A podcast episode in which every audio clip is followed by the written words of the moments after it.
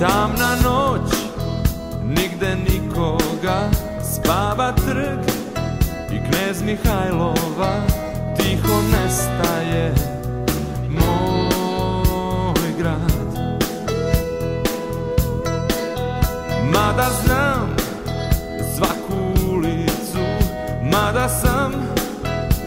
uvek bio tu Ne prepoznajem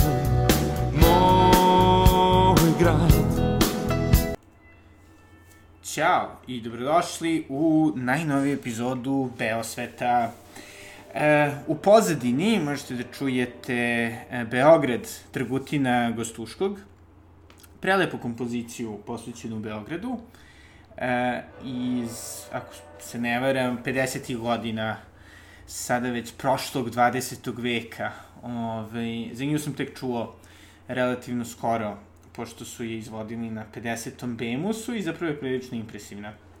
Svakako ovaj predlažem da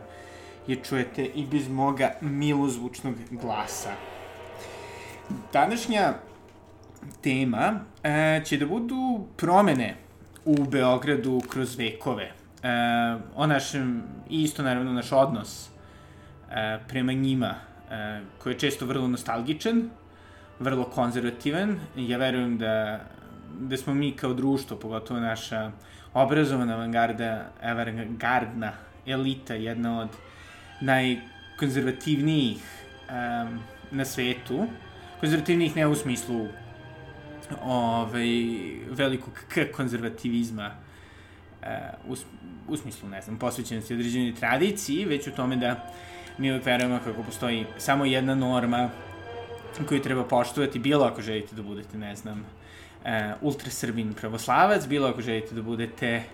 uh, ultra kosmopolita um, ili kako volim da često kažemo, ovaj, kozmopalančani. Ali, ovaj, e, naravno, kao i, kao i uvek krećem od e, istorije i jedna od knjiga koja mi je zaista produbila poznavanje Beograda, a i Srbije, je Srbija Feliksa Kanica. E, to je knjiga koja je napisana na samom početku 20. veka, mislim da je izdata neposredno pred majski prevrat. Ove, da, zapravo izvinite, izdata je 1904. E, I ona je trotomni zapravo opis putovanja Feliksa Kanica, koji je bio ne samo veliki putnik, već i istoričar umetnosti, e, isto istoričar, e, i sa velikim zapravo interesovanjem za ovaj, rimsko nasledđe e, i koji je putovao po Srbiji, ali i po širem Balkanu od sredine e, 19. veka pa sve do kraja. I, i iskreno da budemo, ovaj, najviše sam se fokusirao na delove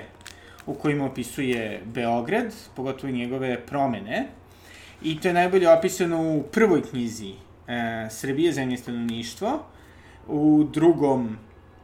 e, poglavlju, e, koji prati razvitak Beograda od 1867. do 1903.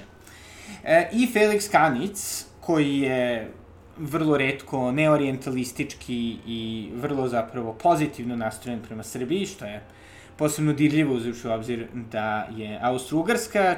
čiji je bio ovaj, e, podanik, e, vrlo brzo posle njegove smrti e, se okrenula vrlo protiv Srbije i da se, jeli, desio i prvi svetski rat. Ali, ovaj, znači, kaže Felix Kanic, pogledu na Beč hteo je Beograd posle odlaska Turaka 1867. rušenjem bedema koji ga je sputavao da dobije jedan ring sa širokim skverovima, trgovima i tako dalje. Prema regulacijonom planu, koji mi je u to vreme pokazao profesor Josimović, što je Emilijan Josimović, koji je e, najzaslužniji za ovaj, e, ulice, pravugovane ulice Dorčela.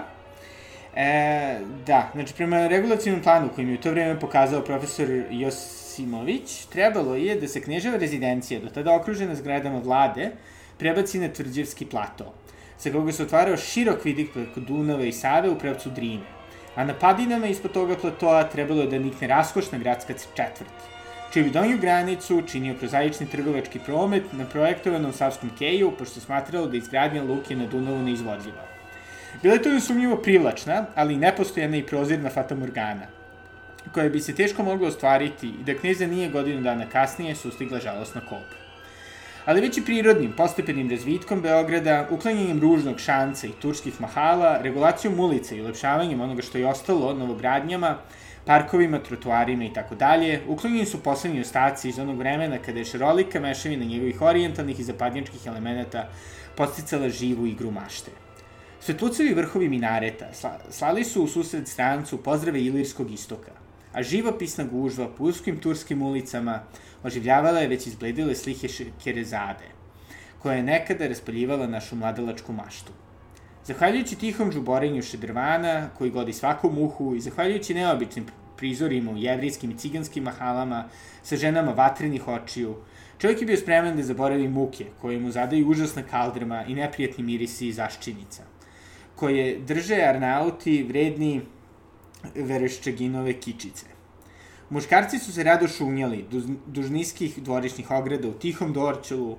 ne bili ugledali žene zatvorene u tajanstvene hareme, praveći se da ne čuju povike na djaure koje su upućivale dražesne turske devojčice, čije će lepo lice i divne obline, već koliko sutra, jašmak i feređa, ljubomorno skriti od tuđih pogleda. Sve to zanavek iščezlo. Sada i suri drveni grad, tvrđava, izgubio svoju orijentalnu draž. I onda tu nastavlja uh, Felix Kanic o stvarima koje su nestale. Uh, pominje Pirinčanu, ili ti uh, Prinčevsku uh, ovaj, zgradu, to je Prinčevsku palatu koju su sagradili Austrijanci, koja je uh, u svom ruševnom obliku ovaj, izgleda opstala do 1870-ih, kada je bila srušena, kada se širila ulica e, Care Dušana. Opisuje razne e, džamije koje su bile po Beogradu, njih 15, od kojih je jeli, trenutno ostala samo jedna, Barjaktar džamija. Priča kako su one volšebno nestajale dinamitom, iako smo bili obavezani e, da ih ne uništavamo. Priča o tome kako su prelepe bašte na Zereku ove, bile uništavani, ali e, postojale su e, mesto gde su se gradile dosta konvencionalnije akademističke kuće e, u tim ispravljenim ulicama, priča o prelepim nestradlim šedrvanima na Dorčulu i ovaj, vrlo živopisnom e, narodu koji je ovaj, iz Beograda odlazio, jeli kako smo imali dogovor sa Osmanskom, eh, Osmanskim carstvom da oni jeli, napuste Srbiju, ali isto ljudima koji su dolazili, raznim pustolovima koji su dolazili u Srbiju kako bi se obogatili bilo kroz rat, bilo kroz e, ovaj, bavljenje raznim poslovima koji tada su, nisu postojali u Srbiji, o promeni e, stava srpskog stanovništva prema raznim stvarima, od toga kako smo od naroda koji je dosta voleo da sedi po kućama, imao prilično patrijarhalni odnos prema izlaženju, ovaj, postoji narod koji voli da izlazi po kafanama, e, koji je zamenio jeli, svoj poslovični fes e, cilindrom e, i jeli, narodnu nošnju e, zapadnim odelom. E, tako da, e, dosta je zapravo zanimljivo sve što Felix Kanic piše u, u tom opisu. Naravno, prožeto je ve, velikom količinom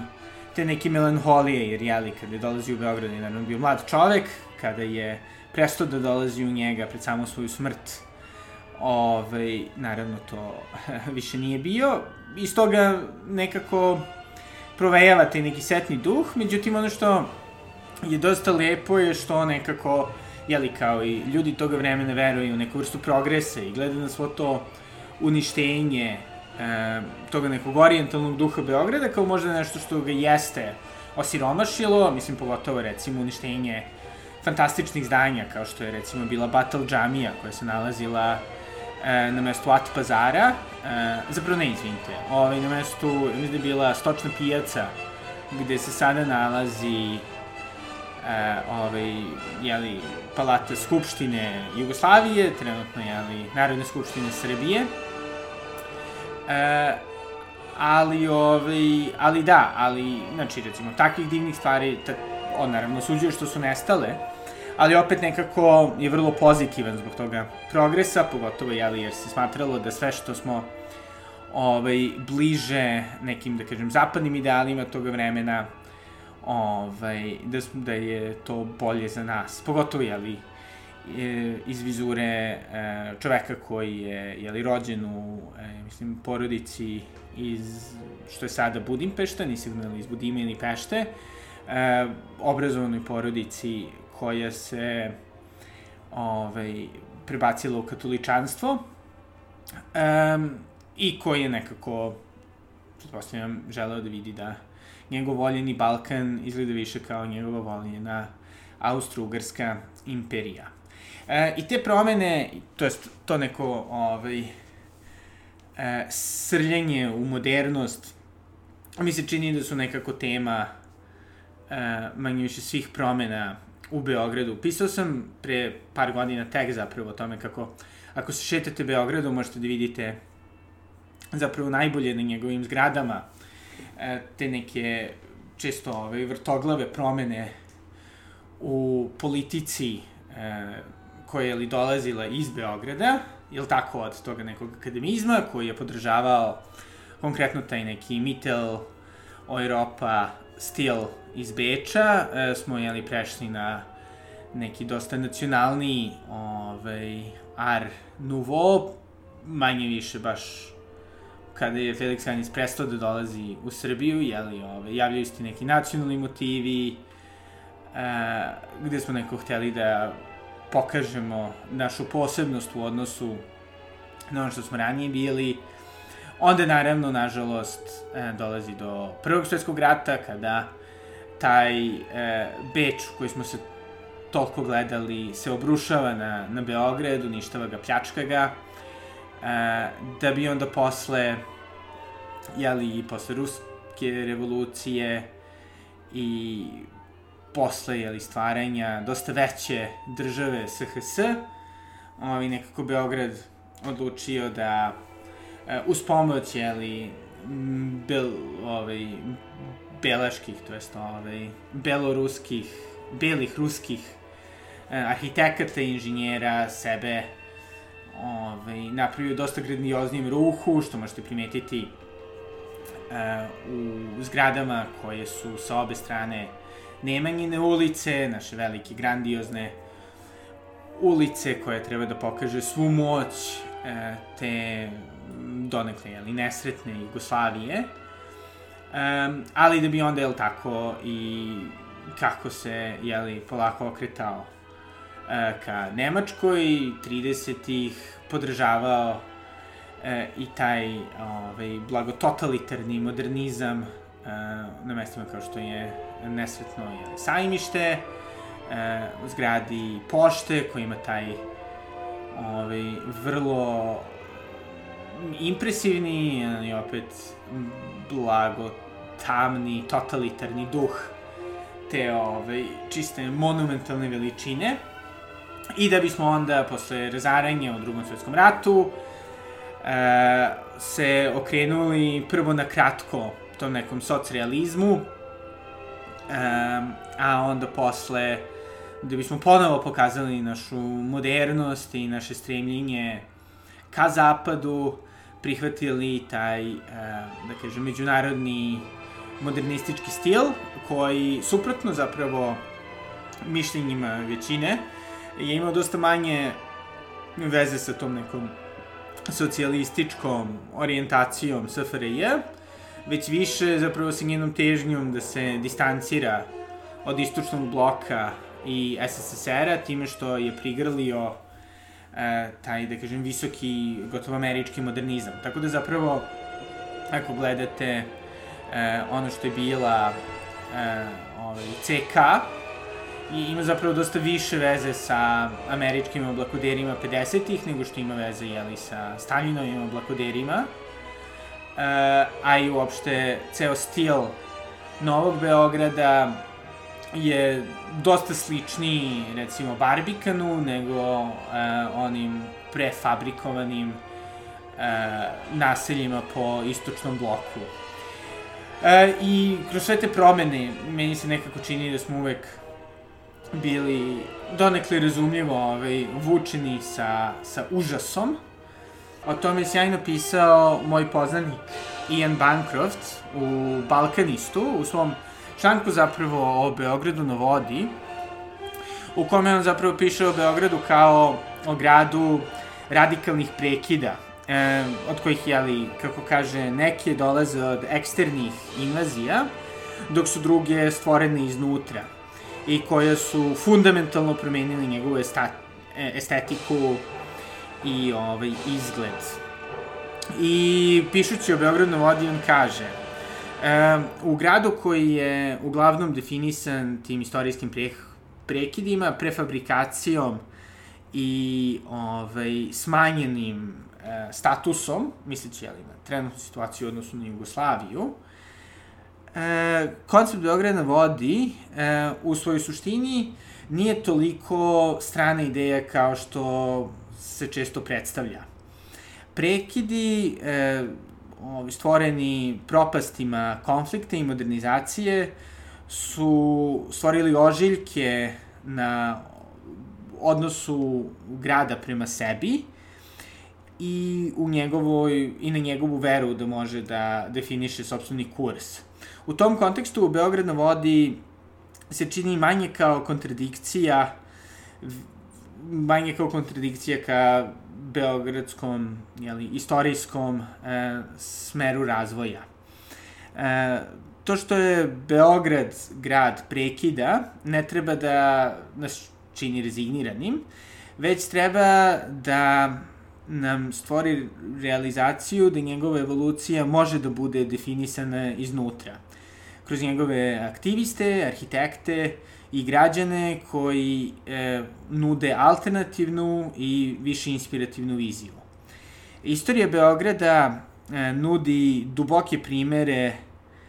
e, njegovih građana koji se jeli bore da stvore njegovu e, njegovu e, budućnost e, stvaranje unificirane poruke od toga šta bi Beograd mogao da bude, međutim,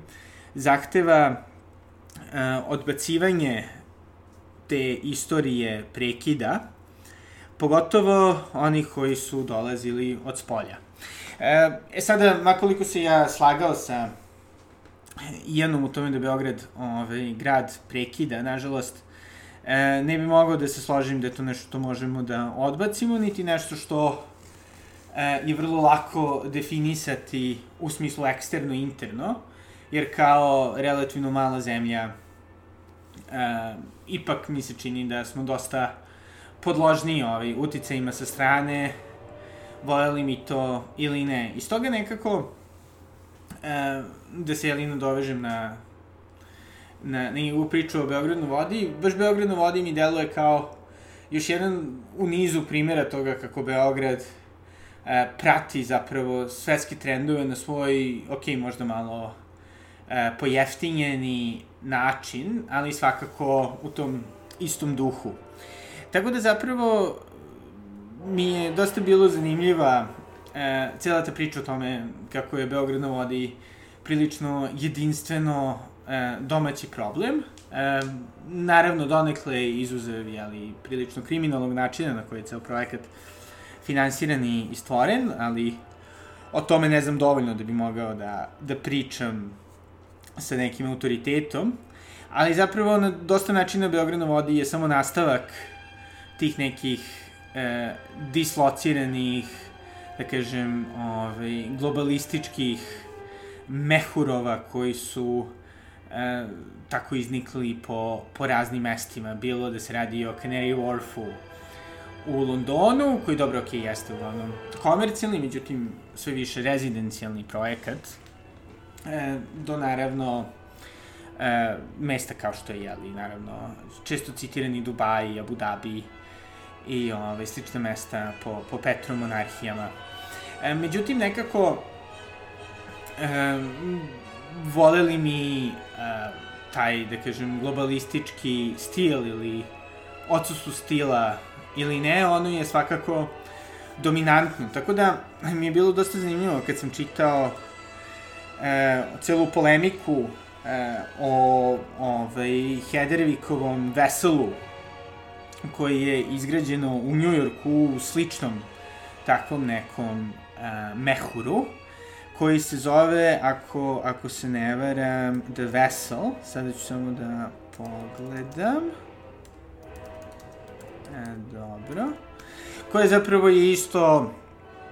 jeli, e, morate da pogledate, znači vrlo je, radi se o vrlo zanimljivoj platformi u suštini slash skulpturi, e, koja me je dosta podsjetila e, zapravo na, na, na delo Richarda Dikona i Mrđana Bajića u Beogradu, jeli ovo, pasarela koja, pasarela slash skulptura koja povezuje e, ovaj, našu promenadu i ovaj, beton halu sa Beogradskom tvrđavom.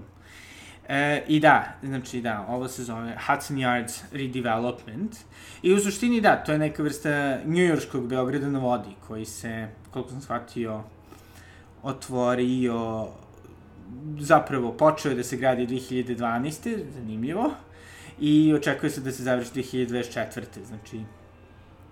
da, ovaj, gotovo isto vreme kada je Beograd na vodi. I sada, da se vratimo ovaj, Veselu, uh, Hedervikovom, da, znači ono, bukvalno su bili identični komentari i na ovaj, Dikon Bajić Pasrelu i na Hedervikov i ovu Hedervikovu strukturu, o tome kako su to suštinski nepotrebni, intruzivni objekti koji nekako ovaj, bi apsolutno nema nikakve veze sa lokacijama na kojima su i koji se samo trude da e, uzdignu e, te zapravo pa, ovaj, da kažemo, ovaj, oligarške projekte e, na neki kao umetnički nivo i da im daju neku dozu e, opravdanja time što, jeli, može da se kaže da se gradi e, neka umetnost od strane jeli, vrlo prestižnih autora. Za, za ove koji ne znaju, Hedrvik je e, možda postao najpoznatiji kada je dizajnirao e, ovaj, o, o, olimpijsku, zapravo da, i baklju, a mislim i e, onaj gorionik za olimpijske igre u Londonu 2012. E, dok Richard Deacon je skulptor koji je dobio čak vrlo prestižnu Turnerovu nagradu i e, koga je dosta poštujem i delom zato što je jedno njegovo delo bilo e, u, u, ovaj, na kampusu gde sam završio svoje osnovne studije i koje sam često prolazio, tako da mi je na neki način drago, iako, naravno, razumem uh, određenu e, ne, određeno nezadovoljstvo time što postoji jedna tako prilično siva pasarela koja povezuje jeli, Beogradsku tvrđavu sa, sa promenadom, iako iskreno da budem, meni je, ja smatram i praktičnom, a i zapravo lepom, čak i s, zapravo donekli zbog, jeli, tog dodatka, te spiralice koju je Mrđan Bajić dodao. E sada, e, ono što mi je isto zanimljivo je što, jeli, s jedne strane imate Beograd na vodi, e, imate taj projekat koji suštinski bi mogao da bude bilo gde, e, mogao bi da bude u Beogradu, mogao bi da bude u Dubaju, mogao bi da bude u Berlinu, mogao bi da bude apsolutno bilo gde. Um, I nekako mu to zapravo daje neki bizarni šmek. Ovaj, pogotovo zato što cijela jeli, globalna kultura je sada postala totalno deteritorializovana i smatra se zapravo da sve što nije u tom nekom e, globalnom maniru, bilo od toga kako mi izgleda interijer kafića ili ovaj, Airbnb stana u koji odlazite, ako nije u toj nekoj, da kažem, sličnoj IKEA Instagram estetici, ovaj, jednostavno smatra se problematičnim. I sada, e, i to ne nužno samo loše, ali opet nekako smatra da od udara od nekoga proseka, dok je ali ranije mi se čini da je bilo dosta veće očekivanje da gde god da odete, ovaj, stvari će da budu različite. I baš, ja mislim, pre par dana, je Darren Anderson pisao za Atlantic o baš tom fenomenu toga kako su svi gradovi zapravo postali suštinski isti. E, piše kako gde god da se probudi, on može da vidi znake standardnih brendova, bilo Subwaya, Starbucksa i McDonald'sa i, ovaj, i da se zapravo osjeća kao da je u epizodi Zone sumraka. I naravno ja mislim da, da je glupo to ograničavati isključivo na te, da kažem, glavne krivce, ovaj, velike globalne brendove, već zapravo i na celu estetiku, kao što sam pomenuo, većina stanova, bilo gde da odete na svetu, je opremljena u Ikei, e, ljudi svuda na svetu pričaju kako obožavaju ovaj, e, poslovični avokado tost sa jajima i nekako ceo taj etos je postao zapravo da, da je ono što je globalno i što nekako odgovara tim nekim milenilnim ukusima je dobro, dok sve ostalo što od toga odudare je parohilno. Tako da na neki način Beograd nam vodi na najsmešniji i, i možda groteskniji način zapravo pokazuje tu večnu želju Beograda da bude svet da uh, nekako izgleda kao bilo koje mesto, kao sav normalan svet, kao bilo gde. Tako da je zapravo kritika njega kao nešto što je posebno problematično za nas ovaj, dosta čudna i zapravo ne mislim da je validna. Iako naravno možemo da diskutujemo o ovaj, estetici njegovih raznih grada, promenadi, njegovoj vrednosti, a naravno i celom ovaj, uticaju na društvo. Međutim, ono gde Beograd navodi, ja da kažem, ceo taj projekat um, promene lica Beograda koji je krenuo 2012. i koji se neko nastavlja i uvek stvarne neke kontroverze. Ove, još jedna stvar koju on ima, to je zapravo sa druge strane ta neka želja paralelna da se Beograd učini, da kažem, beogradskim, neki će reći srpskim, koriste neke velike projekte, izvršenje velikih projekata, kao što je jeli, Hram Svetog Save, a sada i vrlo kontroverzna e, skulptura, to je spomenik Stefanu Nemanji od 23 metra, koji treba da bude na Savskom trgu i koja će biti uređena e, u tom da kažem, neoklasičnom ili zapravo postmodernom stilu e, od strane ako se ne varam, mislim da je Ruvišnikov um, skulptor iz, iz Moskve. Inače, dosta ovaj, uh, priznat skulptor tamo iz uh, dugi, iz porodice koja je iznedrila već tri generacije skulptora i koji je u jednom intervju, sada ne mogu da linkujem, zašto ne znam tačno gde, je zapravo objašnjavao kako on, iako je krenuo od tih nekih abstraktnih formi kada je bio mlad, odlučio da ipak u svojoj često monumentalnoj skulpturi ubacite, e, da kažem, etno slash klasične motive, zato što baš kao pobunu protiv te globalizacije ukusa i tog nekog, da kažem, standardnog, modernog um, ovaj, izraza, jeli, koji je abstraktan, bilo da se radi o stvarima, koji zapravo je tu od ovaj, um, abstraktnih ekspresionista ili skulptura kao što je ovaj Barbara Hepworth ili kod nas ono Olga Jevrić, naravno svi ovi skulptori fascinantnih, skoro svi skulptori fascinantnih ovaj, eh, spomenika drugog, drugom svetskom ratu, partizanskih spomenika, jeli, koji su sada postali vrlo popularni. Izuzev, donekle možemo reći, Bogdana Bogdanovića, koji se trudio ipak da nekako taj stil ubaci ipak čak i neke mistične ove, elemente. Ali da, i sada je zapravo dosta zanimljivo kako opet se i, i ta, ta želja nekako da se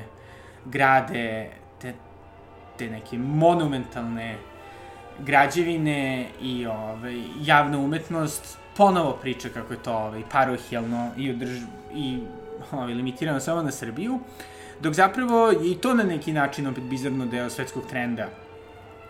o tome dosta fino pisao Aris Rusinos u sjajnoj novoj publikaciji Unheard, koje i, i pisao je zapravo o rastu zemalja, civilizacija. E, on se naravno fokusirao, fokusirao na malkice moćnije i veće zemlje kao što su Kina i Rusija i Turska u njihovoj želji da nekako više ne budu samo e, zemlje jedne nacije ili da se smatraju jednakim i pripadajućim svim drugim zemljama u tom nekom ono UN fazonu, već da dokažu i pokažu kako one zapravo imaju suštinski drugačiju civilizaciju od ostatka sveta i da nju projektuju i slave. E, kao primere, tu je naveo, što se Rusije tiče, ali e, skoro otvaranje e, ogromne crkve e, ruske vojske koja je sagrađena vrlo blizu Moskve. E, u Kini, ja mislim da je pominjao te njihove megalomanske projekte koji su, pa ja mislim, krenuli najvjerovatnije od, e, to jest, naj, za mene, najpoznatije od 2004 kada je jeli, bila olimpijada u Pekingu, onaj fantastičan stadion koji jesu projektori, naravno, Herzog de Muron, ali gde je Ai Weiwei dao tu, da kažem, ovaj, kineski, kineski šarm. Um, pa onda, što se tiče Turske, naravno, priča o e, novim e, ovaj, odlukama Erdoganovog režima da se uh, Aja Sofija i crkva u Hori pretvore u džamije ponovo i da se njihove, njihovi prelepi interijeri pokriju kako bi ali mogli da, da ovaj budu da, da budu upristojeni za, za molitve. Um, i, I nekako mi je zanimljivo kako zemlje kao što, čak i manje zemlje, kao što je jeli, Srbija, su isto imale te neke projekte i ranije. Ove, ovaj, naravno, poznato nam je priča o ovaj, centralno azijskim zemljama, konkretno je li e, ovaj, u Kazahstanu je li izgradnja Astane, Norman Foster je tamo projektovao onaj piramidalni parlament, ako se ne varam, e, ili tako ta neka želja da se pokaže ta grandioznost i moć, um, a je li dosta i, i naravno isto u Azerbejdžanu. A slično je naravno bilo dosta bliže e, Srbiji, ali u Makedoniji, gde je li projekat Skopje 2014. se trudio da nekako stvori taj novi ili za ovaj slušalcu u Makedoniji afirmiše stari makedonski identitet koji više ne bi bio isključivo vezan za, da kažem, taj uh, konfuzni 19. i 20. vek, već bi išao dosta dalje, do jeli, samoga Aleksandra Velikog. Um, i, I da, i zapravo i, ta neka želja da se, meni se čini, zemlje koje nisu prihvaćene od strane Zapada iz ovih ili onih razloga predstave e, kao jedan ili drugi kao zapravo validni e, pa dobro možda ne kompetitori, ali svakako kao validni koncepti koji možda nisu skroz zapadni je, je dosta zanimljiv i zapravo donekle je, ja čak i smatram na nekom, za, za stvaranje nekog identiteta neophodan kako bi ljudi ovaj, kako zapravo ne bi svi jeli samo odlučili da kažu ok, dobro, ako već nismo dovoljno zapadni, ako nas već niko neće, zašto jednostavno svi ne bismo otešli u Berlin, London, New York, LA um, ili, ili Stockholm, Madrid. I, i, I čini mi se da je zapravo isto zanimljivo kako vrlo često su takvi neki projekti građenja identiteta ili slavljenja identiteta vrlo usko vezani za ove ranije pomenute projekte, globalizovanje toga projektovanja, kako mi jesmo kao ceo, ceo svaki normalan svet i kako estetika te dve, da kažem, ovaj, trenutne struje u javnoj arhitekturi ili političkoj arhitekturi, ovaj, ima tu zanimljivu tenziju. Znači, imate s jedne strane Beograd na vodi, u kome je zapravo cela poruka tog dela, da ok, jeste svetski, ali pre svega da on, da, da trenutna vlast, da trenutna država služi svoje, jeli, najbogatije, da može da im stvori vrlo komfortne uslove, da mogu da idu da džogiraju po promenadi, da mogu da imaju vrlo blizu ogroman shopping mall, gde mogu da uživaju, jeli, našem najomilje, našem omiljenom hobiju shoppingu, da mogu da imaju lep park, koji može isto bude bilo gde, ali pre svega da imaju to neko da imaju te velike, lepo uređene stanove sa fantastičnim pogledom i da zapravo država se brine o njima, da im pruža sve najbolje što može. Dok opet sa druge strane, imate spomenik Stefanu Nemanji, koji, jeli, kao spomenik ne, nema nikakvu, da kažem, praktičnu svrhu. Uh, ok, unutra će moći da se, da se šeta oko te replike žezla Svetog Save, koji ali dosta ljudi podsprdljivo naziva žirom, um, ali suštinski je jeli, samo ovaj, spomenik. Um, ali zapravo on na neki način ima taj populistički, estetski element toga da zapravo izgleda onako kako većina ljudi zapravo zamišlja spomenik, što ja iskreno budem ne mislim da je loše, daleko od toga, um, i nekako daje im taj neki identitet i daje im tu neku želju, to jest šalje im tu neku poruku da smo mi deo nečega zajedničkog. Na isti način na koji je meni isto zapravo zanimljivo, ok, možda ne, ne prelep, ali svakako impozantan ovaj, spomenik Aleksandru Makedonskom u Skopju isto nekako šalje tu neku poruku da, ok, kao, mi imamo veru u sebe i mi želimo nešto da radimo. I da, i, ovaj, i, i zapravo je neverovatno kako su oba ta, da kažem, obe te struje, obe te mode, ovaj, na isti način kritikovane u delu naše elite koja, iskreno da budem, kao što sam rekao na početku, je prilično konzervativni nekako, ok, možemo tu da pričamo i o politici, uh, koja svakako jeste deo svega toga, ali mi se čini da isto taj neki strah od promena, koji je naravno razumljiv, jer jeli, imali smo prilično ovaj, strahotni prošli vek, um, ali koji je isto uvek sa nekom distancom od 20-30 godina kreće da, da uživa u onome što ima pogotovo ukoliko se ono što ima nađe uh, fotografisano na stranicama, ne znam, wallpapera, monokla uh, ili ovi drugih, da kažem, prestižnih zapadnih publikacija. Tako da mi se čini da nekako i ta naprasna ljubav prema toj nekoj jugoestetici je više produkt toga što je uh, ona dobila to neko svetsko priznanje ovaj, u, jeli, izložbom u Momi, a pre toga sa par ovaj, dosta pohvalnih članaka o istoj. E, I nekako, da, sada mi je dosta zanimljivo kako Novi Beograd, koji mi se čini da smo do pre samo desetak do desetak godina svi smatrali sivim, depresivnim, ružnim, i sada postao ovaj, arhitektonska bajka, zato što, jeli, imamo, mislim, za većinu, ovaj, naravno ne pričam za, za ljude koji razumeju arhitekturu, na dosta dubim nivou, oni su uživali u njemu i ranije, siguran sam, ali nekako većinski stav se dosta promenio i da je sada prilično cool da se ide, da se gleda ovaj, Genexova zgrada, da se ide po blokovima i da se nekako prisvaja ta socijalistička estetika, dok ako me, ako me moje sećanje ne vara, ovaj, čak i posle promene i tokom promena 2000-ih, je zapravo neka želja za Beograd bila da, da se otera,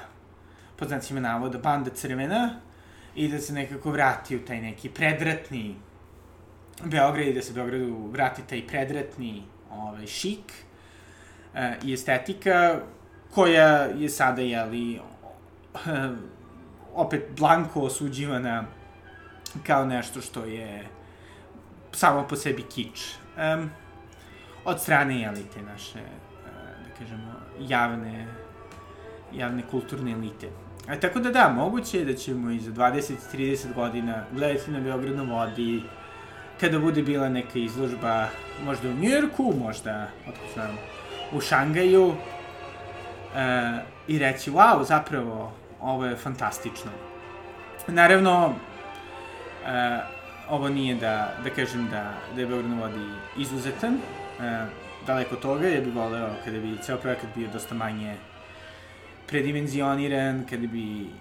onako um, bio zeleniji, kada bi na, svakako bio dosta transparentniji što se tiče toga kako je vođen i, i ovaj, kako funkcionišu financije za njega. Um, ali opet, da, je samo zanimljivo kako je on samo još jedno poglavlje, doduše dosta krupno poglavlje, ovaj, u razvoju Beograda u proteklih, u zapravo njegovoj novijoj istoriji.